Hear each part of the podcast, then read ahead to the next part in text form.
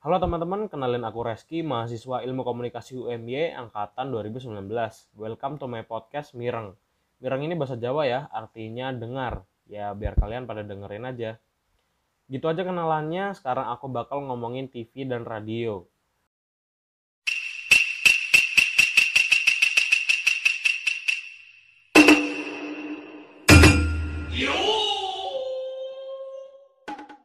Media elektronik yang sering kita pakai ya dulu. Kalau sekarang udah keganti sama YouTube dan media sosial yang lebih menarik dan lebih keren. TV sama radio itu punya karakteristik.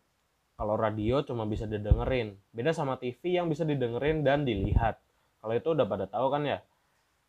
Terus radio itu sifatnya theater of mind, bener nggak? Jadi radio itu bisa membayang, membuat kita membayangkan apa yang diomongin sama penyiar dengan kekuatan kata dan suara. Terus kalau radio itu biasanya punya gangguan suara, uh, kayak suara itu nggak sih yang bikin kita kangen sama radio? Terus kalau TV itu audio visual, tentu ya karena bisa dilihat dan didengarkan. Itu yang bikin rangsangan TV lebih kuat daripada radio karena mengandung gambar dan informasi yang lebih banyak.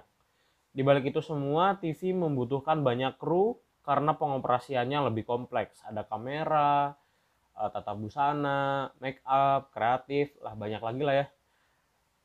Ya sampai di sini pertemuan kita. Terima kasih yang udah dengerin sampai sekarang. Bye.